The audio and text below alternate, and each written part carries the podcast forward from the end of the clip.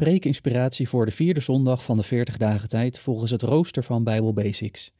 Deze aflevering gaat over het evangelie volgens Marcus, hoofdstuk 14, vers 32 tot en met 41. In het evangelie volgens Marcus, hoofdstuk 14 van vers 32 tot en met 41, bevinden we ons al een tijd in het lijdensverhaal van Jezus. Bij het Pesachmaal, de laatste maaltijd die Jezus samen met zijn leerlingen hield, heeft Jezus gezegd dat een van zijn leerlingen hem zal uitleveren. Ook heeft hij gezegd dat alle leerlingen hem in de steek zullen laten. Nu is het nacht geworden. Judas is bezig met zijn verraderswerk te doen. De stellige verzekering van de leerlingen, Petrus voorop, dat ze nooit ten val zullen komen, klinkt nog schril na in het duister. Jezus beseft dat hij op de drempel van zijn leidersweg staat.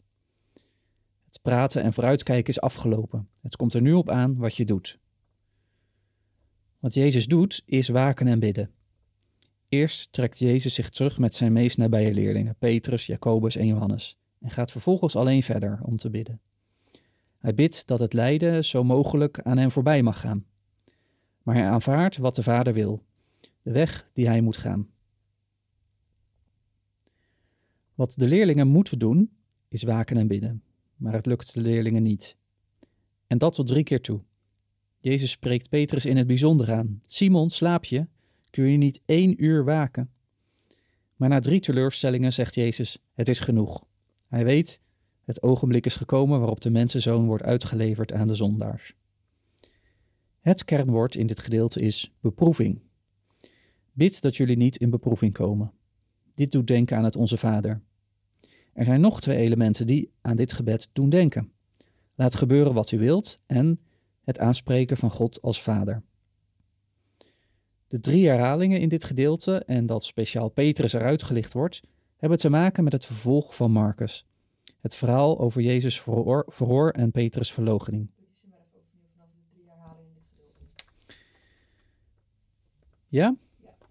De drie herhalingen in dit gedeelte en dat speciaal Petrus eruit gelicht wordt, hebben te maken met het vervolg van Marcus, het verhaal over Jezus verhoor en Petrus verloochening. Daarover straks meer.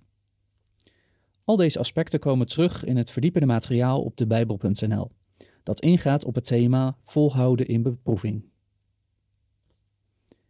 Wat mij het meest treft in dit gedeelte is het contrast tussen Jezus, die in aanvechting staande blijft, en Petrus en de andere leerlingen, die zich laten meevoeren in het comfort van de sluimer. Zo brengen ze zichzelf in de positie dat ze gemakkelijker ten val komen. Eerder had Jezus na het protest van Petrus gezegd: Jij denkt niet aan wat God wil, maar alleen aan wat mensen willen. Jezus en ook Paulus zijn niet zo optimistisch over het menselijke streven, de maatstaven van deze wereld, onze aardse natuur. Niet omdat mensen nooit van goede wil zijn, maar omdat de mens risico loopt zich uit te leveren aan het verkeerde. Zijn wij in staat om, als het recht op aankomt, het goede te kiezen en te doen, en niet te zwichten voor het kwaad? Jezus zegt: De geest is wel gewillig, maar het lichaam is zwak. Met andere woorden, Petrus, je kunt wel zeggen dat je mij nooit zult verloochenen, maar houd je dat ook vol als je in een concrete situatie bent, waarin het je echt wat kost om stand te houden? Ook voor Jezus is dat geen automatisme. Hij weet wat zwakheid is, zegt de schrijver van de Hebreeënbrief, en hij heeft gehoorzaamheid geleerd. Dat zien we hier gebeuren. Ik ben drie, diep. Dat zien we hier gebeuren. Ik ben diep bedroefd tot stervens toe, zegt Jezus. Marcus heeft op deze manier een zeer menselijke. oh. Ja, ik doe deze hele alinea wel even overnieuw. Ja, vanaf voor Jezus. Ja. Ook voor Jezus is dat geen automatisme. Hij weet wat zwakheid is, zegt de schrijver van de Hebreeënbrief. En hij heeft gehoorzaamheid geleerd. Dat zien we hier gebeuren. Ik ben die bedroefd tot stervens toe, zegt Jezus. Marcus geeft op deze manier een zeer menselijke karakterisering van Jezus. Maar Jezus legt zijn eigen menselijke verlangens in de hand van de Vader als hij bidt: Laat niet gebeuren wat ik wil, maar wat u wilt. Dat is de bron van Jezus' vastberadenheid. Door dit waakzame gebed bereidt Jezus zich voor op de beproeving die wacht. Tegen de slaperige leerlingen zegt hij: Voor jullie geldt zeker dat je maar beter niet in beproeving terechtkomt. En inderdaad gaat het later grondig mis. Petrus, die drie keer sliep in plaats van waakte, verloochens Jezus drie keer. Zijn houding is tweeslachtig. Hij stelt zijn aardse belangen boven zijn loyaliteit aan Jezus. Daartegenover is Jezus, als hij voor het Sanhedrin staat, standvastig en vastberaden. Hij laat zich een en andermaal niet van zijn stuk brengen door de valse beschuldigingen. Ja. Daartegenover is Jezus, als hij voor het Sanhedrin staat, standvastig en vastberaden. Hij laat zich een en andermaal niet van zijn stuk brengen door de valse beschuldigingen. Dat is geen conflictvermijding, want als hij voor de derde keer wordt uitgedaagd, nu met de vraag naar zijn identiteit, kiest hij oprecht en zonder reserve voor het beleiden van zijn ware identiteit als zoon van God. Het verhaal van Jezus en de leerlingen in Gethsemane laat zien hoe je kunt standhouden in de beproeving, op momenten dat je onder druk wordt gezet om tegen God te kiezen. Het menselijke verlangen om te leven en om te lijden en het menselijke verlangen om te leven en om het lijden uit de weg te gaan mag er zijn. Het lijden wordt niet verheerlijkt. De boodschap is: blijf alert en smeek God dat je niet in de situatie komt dat je kunt falen. Maar beloof ook trouw aan de Vader als de beproeving wel komt. Dat is wat Jezus deed en hij hield vol. En wie volhoudt, ontvangt als bekroning het leven. Als je hierover een preek maakt, is het voor de hand is. Als je hierover een preek maakt, is een voor de hand liggende invalshoek het thema volhouden in beproeving.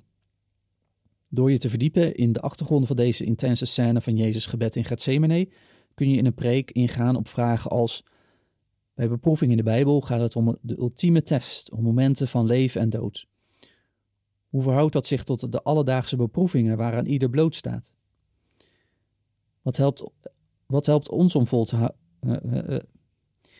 Wat helpt ons om vol te houden op momenten dat geloven niet vanzelfsprekend is? Hoe weten we ons verbonden met wie vervolgd worden vanwege hun geloof? Er zijn nog meer invalshoeken mogelijk. Bijvoorbeeld het verband met Romeinen 8, waarin Paulus dezelfde thematiek bespreekt, of de relatie tussen het Gethsemane-verhaal en het Onze Vader.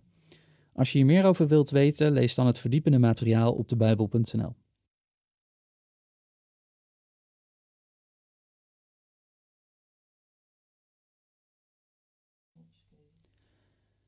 Als je hierover een preek maakt, is een voor de hand liggende invalshoek het thema volhouden in beproeving.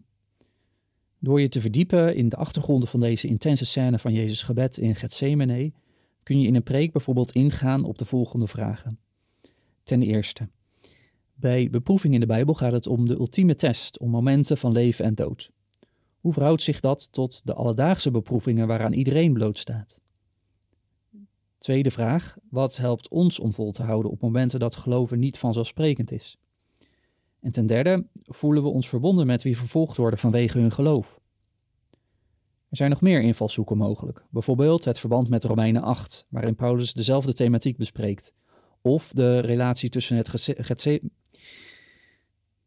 Er zijn nog meer invalshoeken mogelijk, bijvoorbeeld het verband met Romeinen 8, waarin Paulus dezelfde thematiek bespreekt, of de relatie tussen het Gethsemane-verhaal en het Onze Vader.